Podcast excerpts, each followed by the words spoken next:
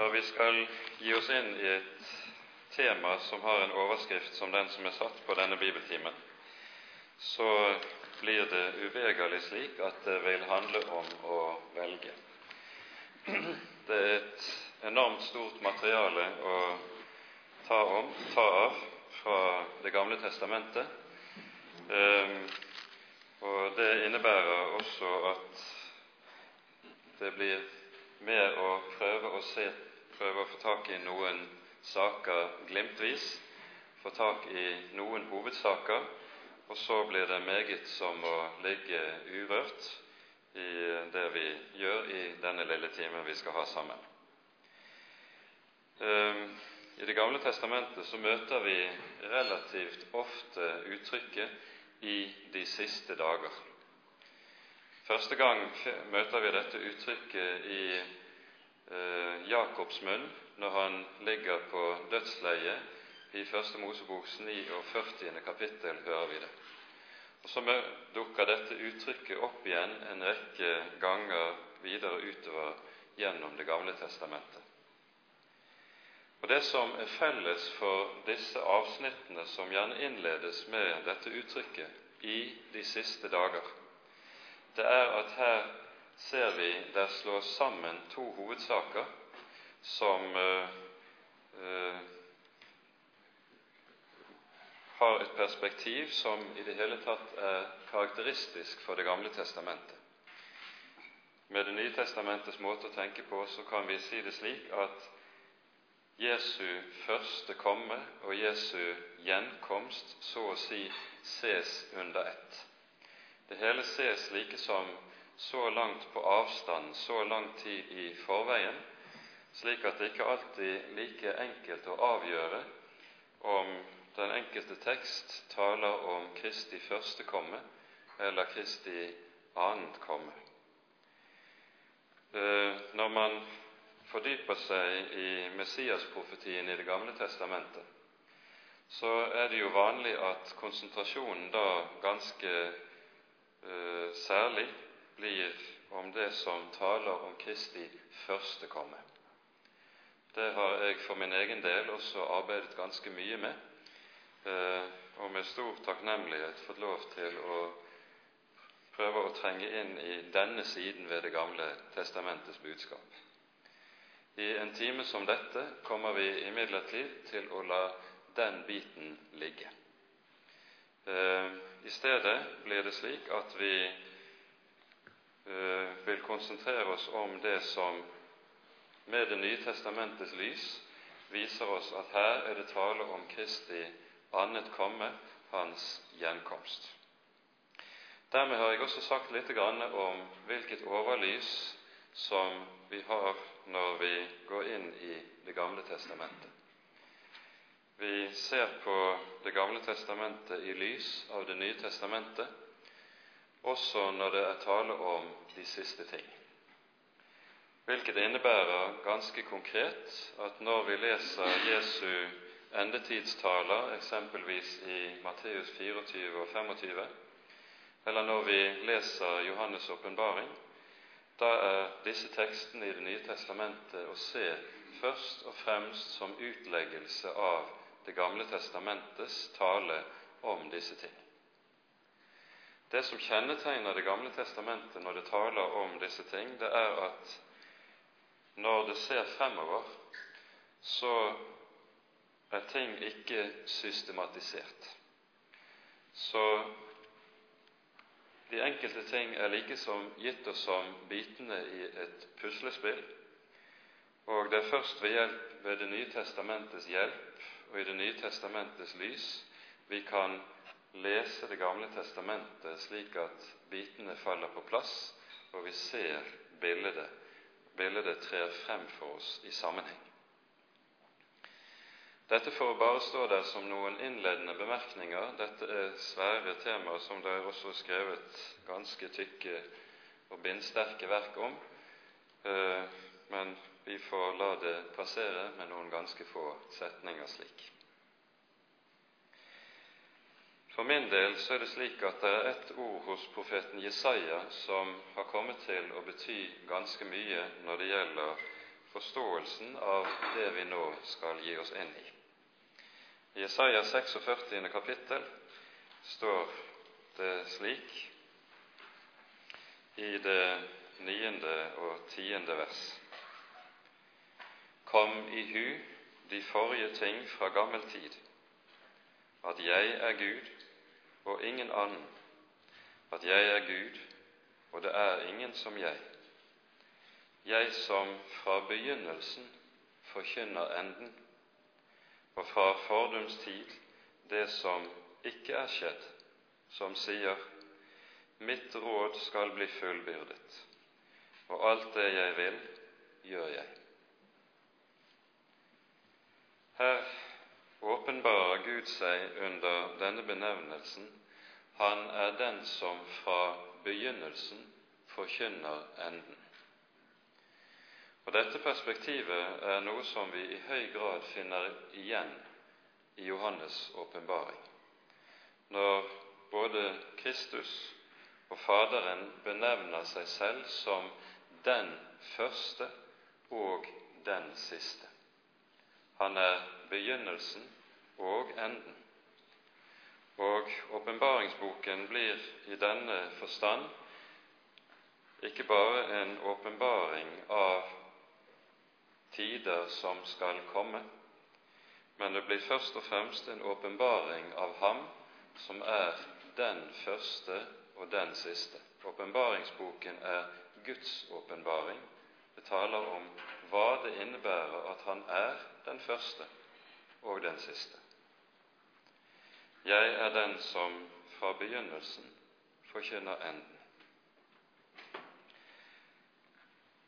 Med dette perspektivet så vil en også se at i Bibelen er det en meget tett sammenheng mellom det som vi kaller for urhistorien i Første Mosebok, og endehistorien som forkynnes oss i Johannes' åpenbaring.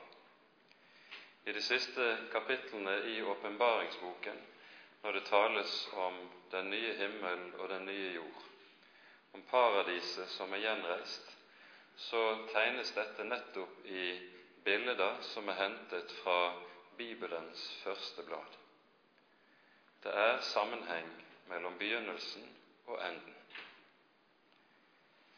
Men denne sammenheng er atskilt av det som er vår tid, det som er historiens tid, den tid som på grunn av syndefallet har et tema som går igjen hele veien gjennom dette.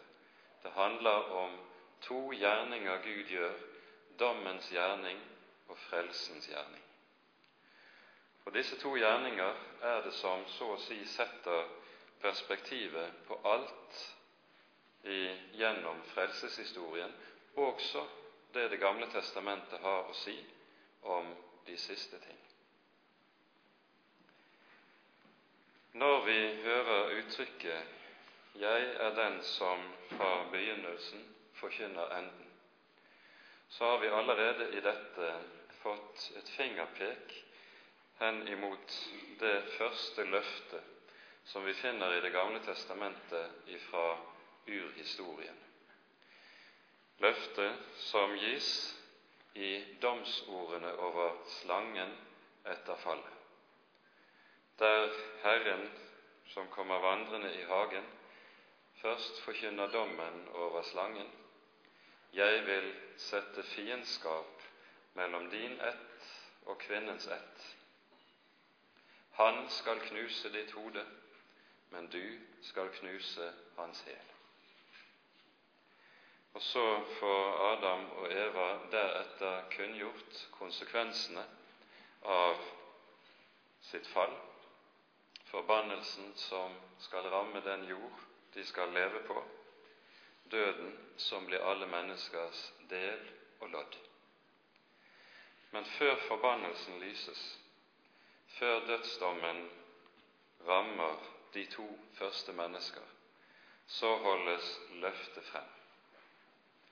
Løftet om Han som skal knuse slangens hode, altså knuse Han som har brakt død og forbannelse inn i verden. Og dette løftet er et løfte som dukker tydelig opp igjen senere i Det gamle testamentet. Så tydelig at vi sågar også finner klare ord om den legemlige oppstandelse i noen sammenhenger. En av de viktigste tekstene når vi skal tale om de siste ting ifølge Det gamle testamentet, er det tekstavsnittet hos Jesaja som ofte kalles for Jesaja-apokalypsen, Jesaja-bokens 24. til 27. kapittel. Denne apokalypsen den inngår i en større tekstsammenheng hvor eh, profeten først fra kapittel 13 til kapittel 23 har forkynt dommen over Israels nabofolk. Når Jesaja på 700-tallet trer frem og begynner sitt profetiske virke, så er det at Israel for første gang etter inntoget i det lovede land står overfor den alvorligste livsfare. De står overfor verdensrikene som nå har reist hodet, og som fra denne tid av kommer til å dominere Israels historie like frem til Frelserens fødsel. På Jesaja-tid handler det om det asyriske verdensriket. Og det er det asyriske verdensriket som ødelegger Nordriket. Og det er på hengende håret at også ikke Sydriket går under for asyrernes voldsherredømme. Men 100 år, 150 år senere reiser det babylonske riket hodet, og så er det at Sydriket også går under. Israel stilles overfor verdensrikene. Og Fra denne tid av er noe av grunntemaet i alle profetenes budskap også dette Guds folks kamp i forhold til verdensrikene. Det er Guds rike og verdensrike som likesom blir stående over for hverandre. I sin urform finner vi dette antydet allerede i Bibelens urhistorie, der verdensriket og hva som kjennetegner verdensriket, liksom er gitt oss i en kjerne i et nøtteskall. I Første Moseboks tiende kapittel så hører vi om det første verdensriket som det likesom legges fundament for. Det tales i Genesis 10 om Nimrod, som var en stor jeger og bygget byene Erek, Akkad og Kalne, deretter drar ut og bygger Ninive, den store stad, og der i hans tid Babels tårn reises. Nimrod er en veldig jeger, står det, for Herrens åsyn.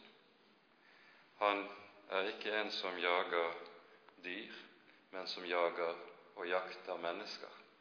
Jakter på å legge mennesker under seg, jager etter makten.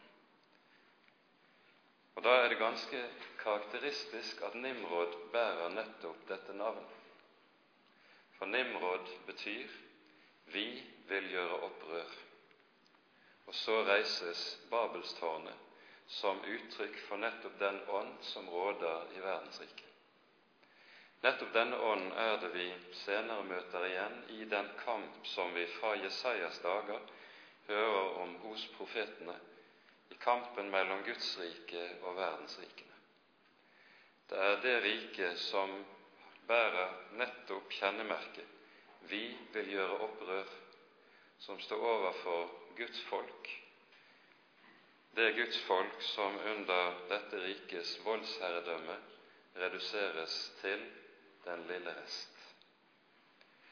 For talen om den lille resten er helt sentral i budskapet som gis i denne tid om Guds folk som gjennom trengsler renses og lutres og så står den lille resten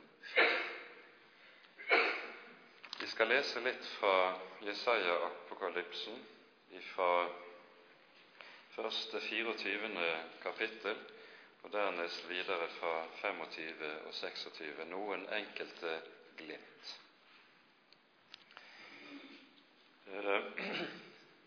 Jesaja 24 begynner slik.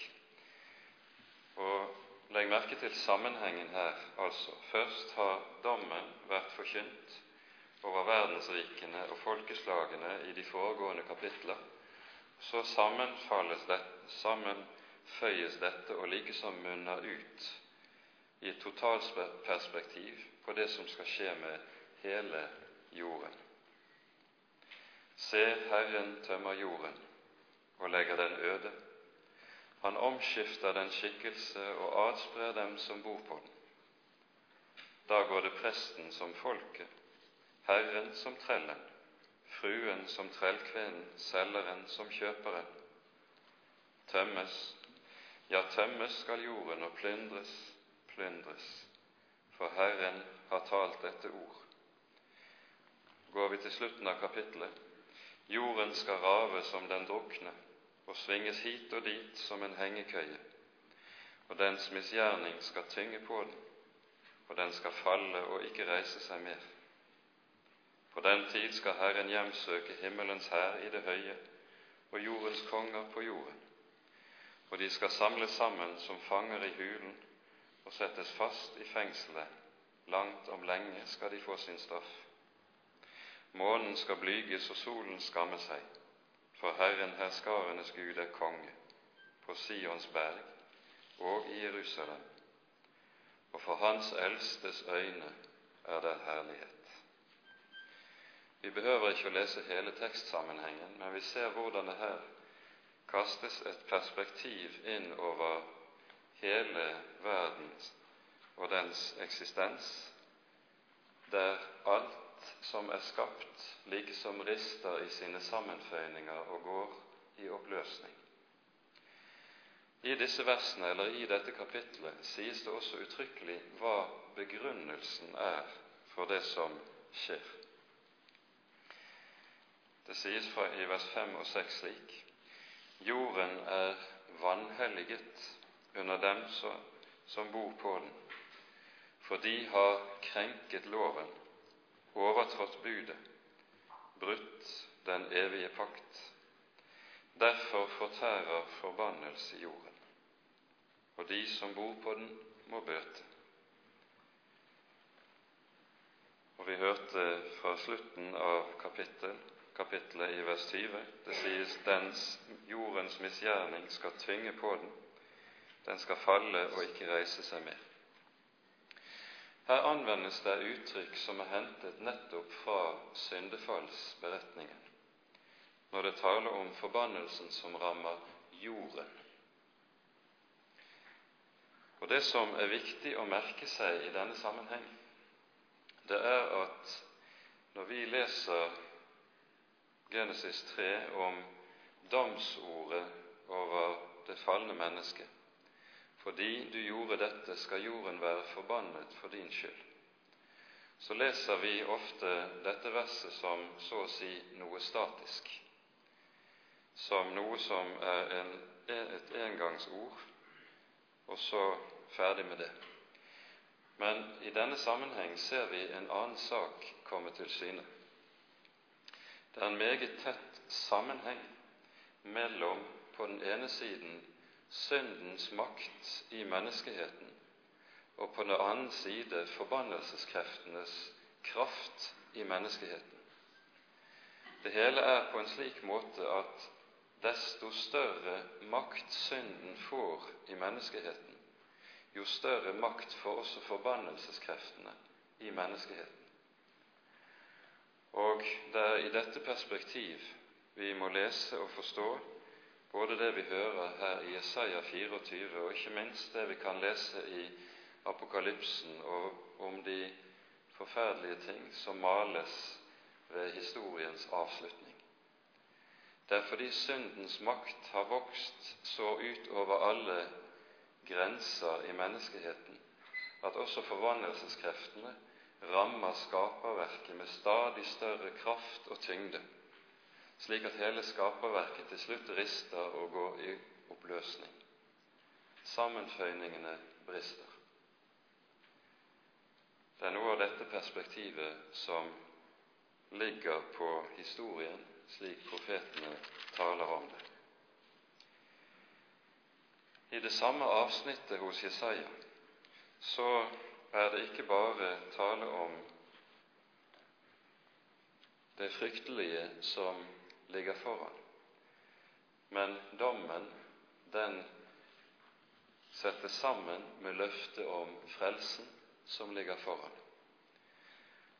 Derfor kommer til oss ordene ifra det 25. kapitlet, der vi finner noe av de sterkeste frelsesløftene som vi har i Det gamle testamentet overhodet. Vi leser fra vers 6 til 9 i det 25. kapittel. Herren, herskarenes Gud, skal på dette fjell gjøre et gjestebud for alle folk, et gjestebud med fete retter, et gjestebud med gammel vin, med fete, margfulle retter og gammel, klaret vin. Han skal på dette fjell tilintetgjøre det slør som omslører alle hedningefolkene, og det dekke som dekker hedningefolkene. Han skal oppsluke døden for evig og Herren Israels Gud skal tørke gråten av alle ansikter. Sitt folks vanære skal han ta bort fra hele jorden, for Herren har talt. Og så kommer løftet som også ligger innbakt i det som allerede ble sagt i domsordet over slangen, om Han som skal knuse slangens hode, Han som altså skal knuse dens hode som brakte døden inn i verden døden skal tilintetgjøres. I forlengelsen av dette leser vi i kapittel 26 i det 19. vers slik.: Dine døde skal bli levende, mine lik skal oppstå. Våkn opp og juble, dere som bor i støvet. For dogg over grønne urter er din dogg, og jorden gir dødningene tilbake til livet. Her nøyer altså profeten seg ikke bare med å tale allment om at døden en dag skal gjøres til intet, men han taler meget konkret om legemets oppstandelse. Jorden skal gi sine lik tilbake, og av støvet skal de reises. Et tema som Daniel griper tilbake til i det tolvte kapittelet som vi hører i Daniels bok, der det sies nettopp i, om den samme sak, hvordan jorden skal gi sine døde tilbake. Noen skal oppstå til evig ære, andre til skam og evig avsky. Det taler om en allmenn dødes oppstandelse, en allmenn legemets oppstandelse. En antydning om samme sak er det jo vi også finner i det kjente og kjære ord i Jobbs bok, Jobb som er inne i sin nød og i sitt mørke, hvor han midt inne i dette i det 19. kapittel kan bryte ut nesten som et under i det mørket han er inne i. Jeg vet at min gjenløser lever. Som den siste skal han stå frem på støvet, og mine øyne skal se det. Og etter at denne min hud er blitt ødelagt, skal jeg ut fra mitt kjød skue Gud. Samme sak. Men her legger vi også merke til hvilket begrep som benyttes om Han som reiser de døde til livet. Han kalles gjenløser. Det hebraiske ordet som ligger bak, goel, som gjennomgående i Det gamle testamentet altså oversettes nettopp med 'gjenløser' eller 'forløser'. Det har den grunnbetydning at det sikter mot en som betaler en pris for å løse den som er bundet. Og det betydningsfulle i denne sammenheng er altså at her tales det om Herren Gud som den som betaler prisen for å løse de døde av støvet, løse dem av graven. Dette temaet møter vi igjen i en annen viktig sammenheng eller tekst i Det gamle testamentet, nemlig Salme 49, som er en overmåte viktig salme. I denne salmen så tales det Det er en salme av Koras barn, der tales det om hvor håpløst det er for mennesket på jorden som er underlagt døden og dens herredømme. Om et menneske er aldri så rikt, om det er aldri så mektig, det er dog uten mulighet til redning overfor døden. Det står i vers 8 og 9 i salmen en mann kan ikke utløse en bror. Han kan ikke gi Gud løsepenger for ham, for deres livs utløsning er for dyr. Han må avstå derfra til evig tid. For deres livs utløsning er for dyr. Han må avstå derfra til evig tid, slik at han skulle bli ved å leve evig og ikke se graven. Deres livs utløsning er for dyr. Men så likesom snur det om i vers 16, og så bryter han ut. Men Gud skal forløse min sjel av dødsrikes vold, for Han skal ta meg til seg. Og så brukes her det samme verbet goel, eller gaal fra hebraisk, som nettopp betyr dette, sikter på dette, å betale løsesum. Mennesket er uten, ute av stand til selv å betale løsepengen, men her kommer altså løftet om at den levende Gud selv skal betale det beløp som kreves for å løse fra døden. Han skal knuse ditt hode var løftet som lød til Adam i forbannelsesordet over slangen. Og Slike antydninger finner vi en god del av utover i Salmenes bok, ikke minst i en annen viktig sammenheng som vi skal komme tilbake til når det taler om løftet til Sion. Fra Jesaja i disse avsnittene som vi har lest fra Jesaja-apokalypsen, taler om hvorledes verden i sin helhet skal komme til å gå i oppløsning, så ender jo ikke Jesajas budskap her.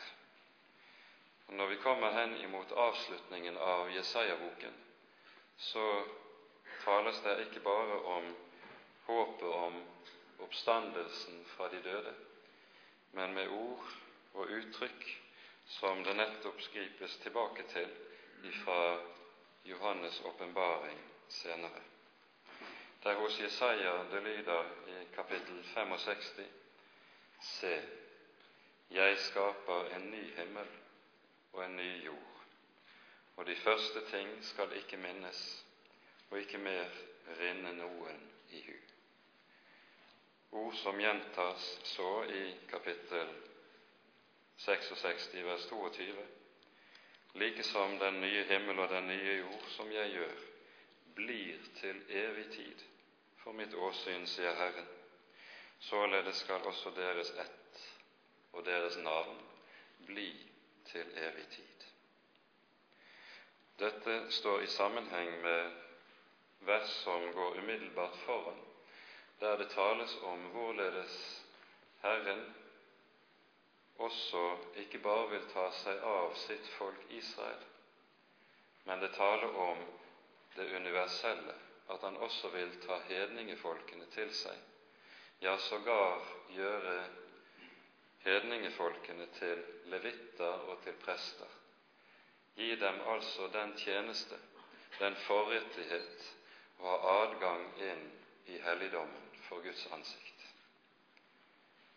Dette, denne tale om at Gud også vil ta av hedningefolkene og gi dem den prestelige ære.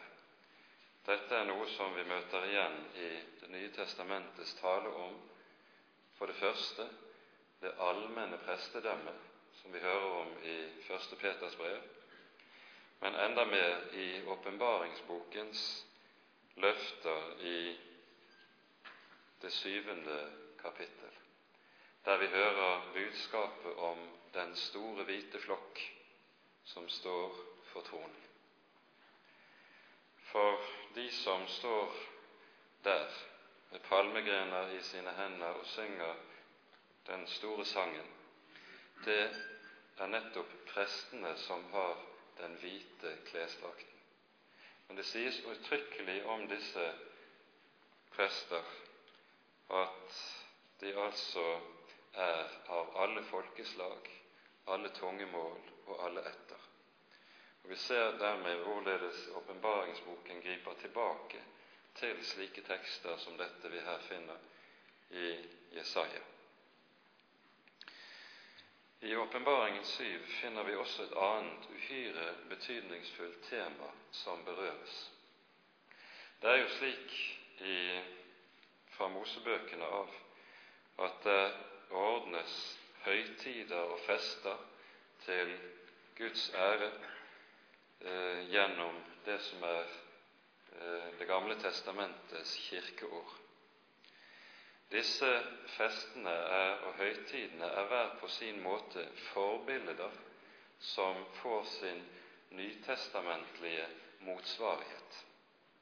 Påskehøytiden, som ble feiret til minne om utgangen av Egypt, får for oss sin motsvarighet i at vi minnes Han som ble naglet til korset, lammet som ble slaktet, og påskelammet fra Egypt er forbildet på ham. På samme måte var pinsehøytiden også en valfartshøytid, der alt folket skulle samles for Herrens åsyn. Da var det en innhøstningshøytid der Moselov ble lest, og på Jesu tid ble pinsehøytiden feiret til minne om lovgivningen på Sinai. Når pins, det er da det Ånden utgytes, så antyder det med dette at nå er den nye pakt trådt i kraft. Bokstaven er erstattet av Ånden, loven av evangeliet. Men det er valfartshøytidene som ikke får sin motsvarighet i nytestamentlig tid, og det er løvhyttefesten, den som ble feiret til minne om ørkenvandringen, den som ble feiret for å markere for Israels folk vi er kommet frem, vi har nådd hjem. Løvhyttefesten det er så å si det forbildet som enda ikke er oppfylt. Og når vi hører om den store hvite flokk i Åpenbaringen syv, så er det løvhyttefestens bilde som ligger bak. For hos profeten Sakarias, og det er dette som åpenbaringsboken da griper tilbake til, der det nettopp er tale om i Sakarias-bokens 14. kapittel om hvorledes også hedningefolkene skal dra opp til Herren og feire løvhyttenes høytid for Hans ansikt. Og så er sangens tid kommet. Med dette så vi fremme ved atter en annen viktig trekk som vi må peke på. Eh, for i Det er flere gammeltestamentlere som når de taler om eller skriver om eh, eschatologien i Det gamle testamentet, så sier man at det som liksom samler dette i en sum, det er løftene om Sion. For Sion slik det tales om dette i tekstene som peker fremover, så samler det to hovedsaker i det gamle Israels tro og liv. I Sion sto Herrens helligdom. Og Gud hadde lovet uttrykkelig, ifølge Mosebøkene, at hans nærvær i sitt folk det var knyttet til helligdommen, nemlig til det sted der synden var sonet.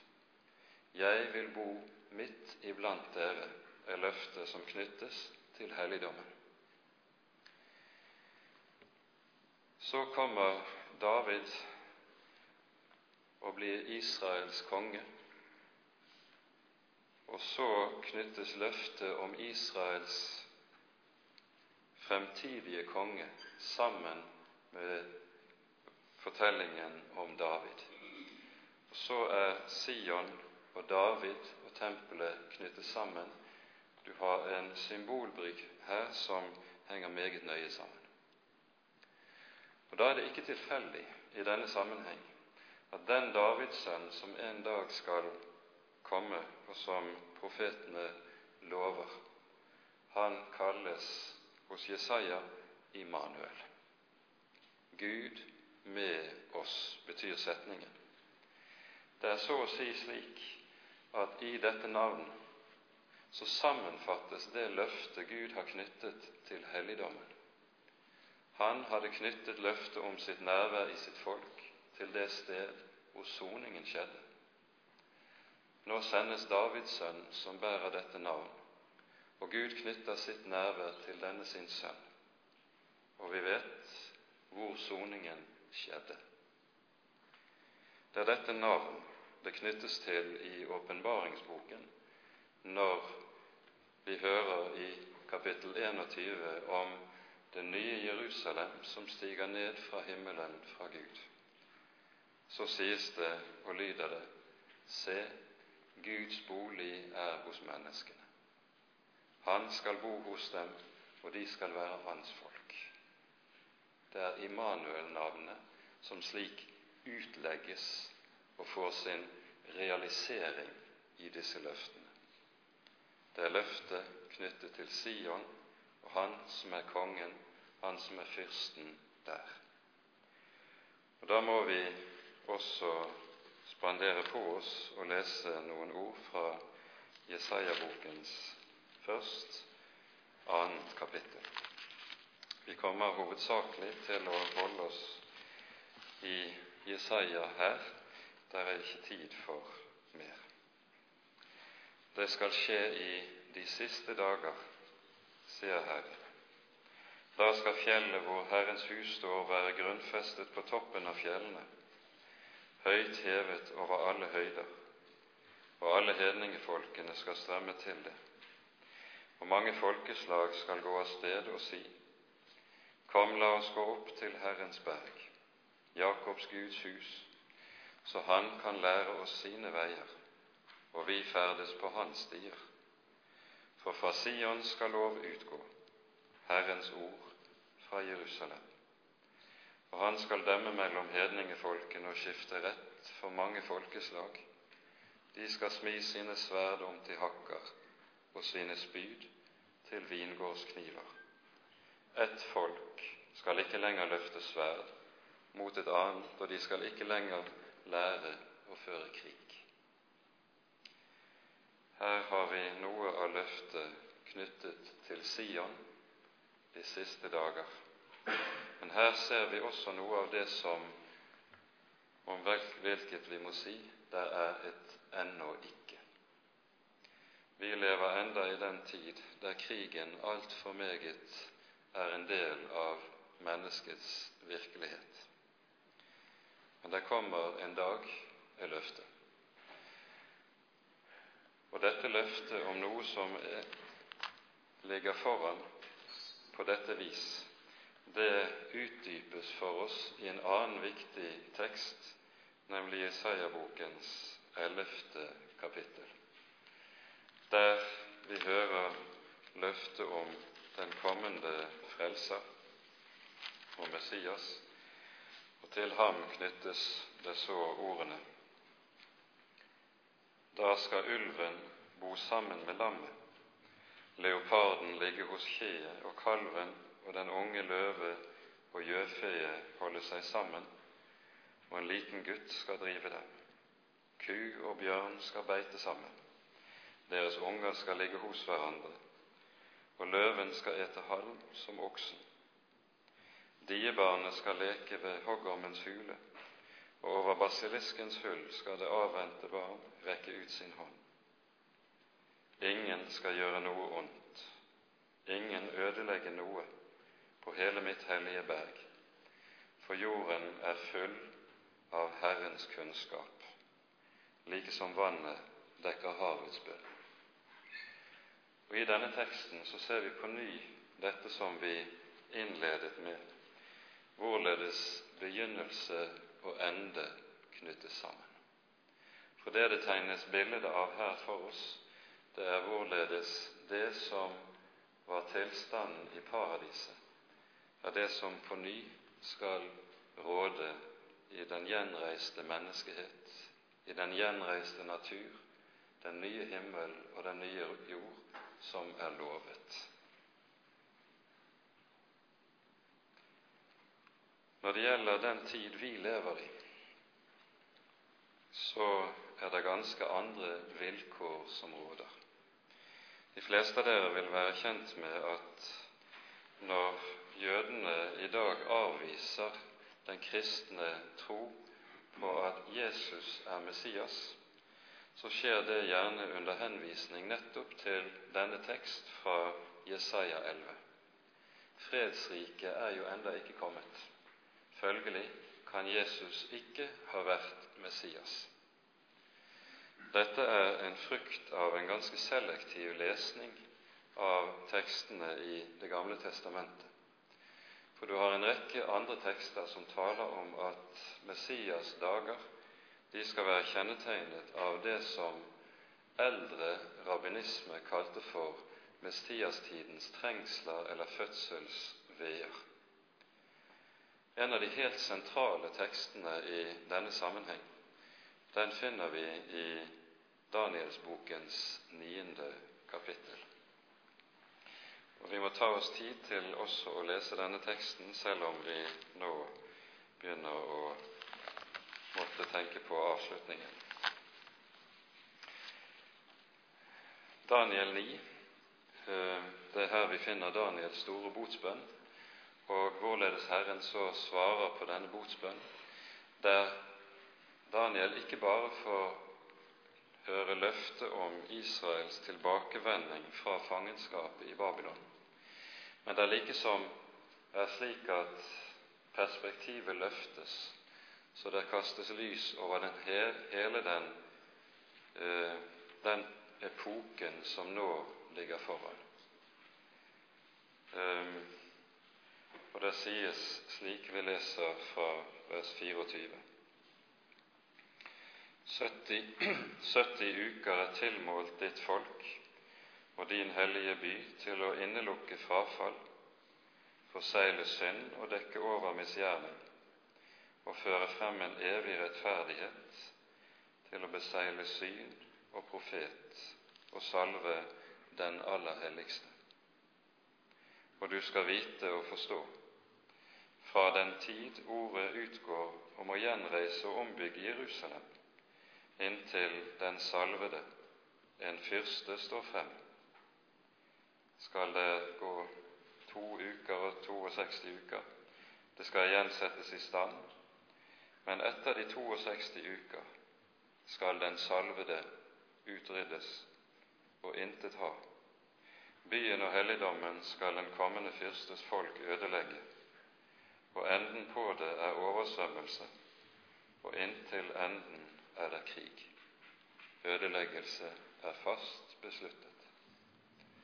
Tekster som taler både om altså hvorledes den salvede selv skal utryddes, og at hans den etterfølgende epoke skal være kjennetegnet av nettopp de ting som vi vet altfor godt preger og kjennetegner den verden vi lever i. Så dette bildet som vi har antydet, og som anvendes av jødedommen for å avvise den kristne Messias håp, det kan i høy grad anfektes ved hjelp av andre tekster i Det gamle testamentet. Det er en rekke andre tekster som i denne sammenheng også kan trekkes inn. Til slutt må vi peke på en siste tematikk som ganske kort må antydes, og som er gitt oss i, også i Jesaja-apokalypsen, og da i det 27. kapitlet. Der sies det i det første verset På den tid skal Herren knuse Leviatan. Leviatan er et navn som møter oss en rekke ganger i Det gamle testamentet, og arkeologien har jo etter hvert gjennom å finne en rekke biblioteker i den gamle Nære Orient kunnet gjøre seg et rimelig klart bilde av hvem Leviatan var. Kanonittiske tekster beretter om dette som det gamle uruhyret som levet i havet. Og så er det en slags mytologisk kamp mellom Leviatan og de gode makter.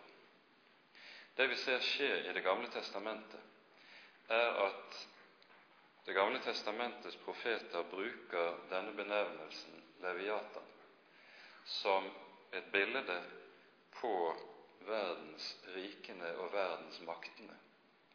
Og I tråd med dette så finner vi Danielsbokens bilde av den siste fryktelige verdensmakten, som nettopp villdyret, uhyret, som stiger opp av havet, og som menneskesønnen som får makt av Faderen av den gamle av dage, skal gjøre ende på. Det er en, Vi ser her hvorledes Det gamle testamentet kan bruke uttrykk fra den hedenske omverden og omstyrpe dette til bildet på denne veldige konflikten som vi har pekt på er mellom verdens rike og Guds rike. Og så ser vi Danielsbokens syvende kapittel tegner for oss Guds rike. Mens verdensrikene males for oss under bildet av villdyr som river, som dreper, som ødelegger, så tegnes Guds rike under et ganske annet bilde. Fremdeles fikk jeg i mine nattlige syner se hvorledes en som lignet en menneskesønn, kom med himmelens skyer. Han gikk bort til den gamle av dager og ble ført frem for ham.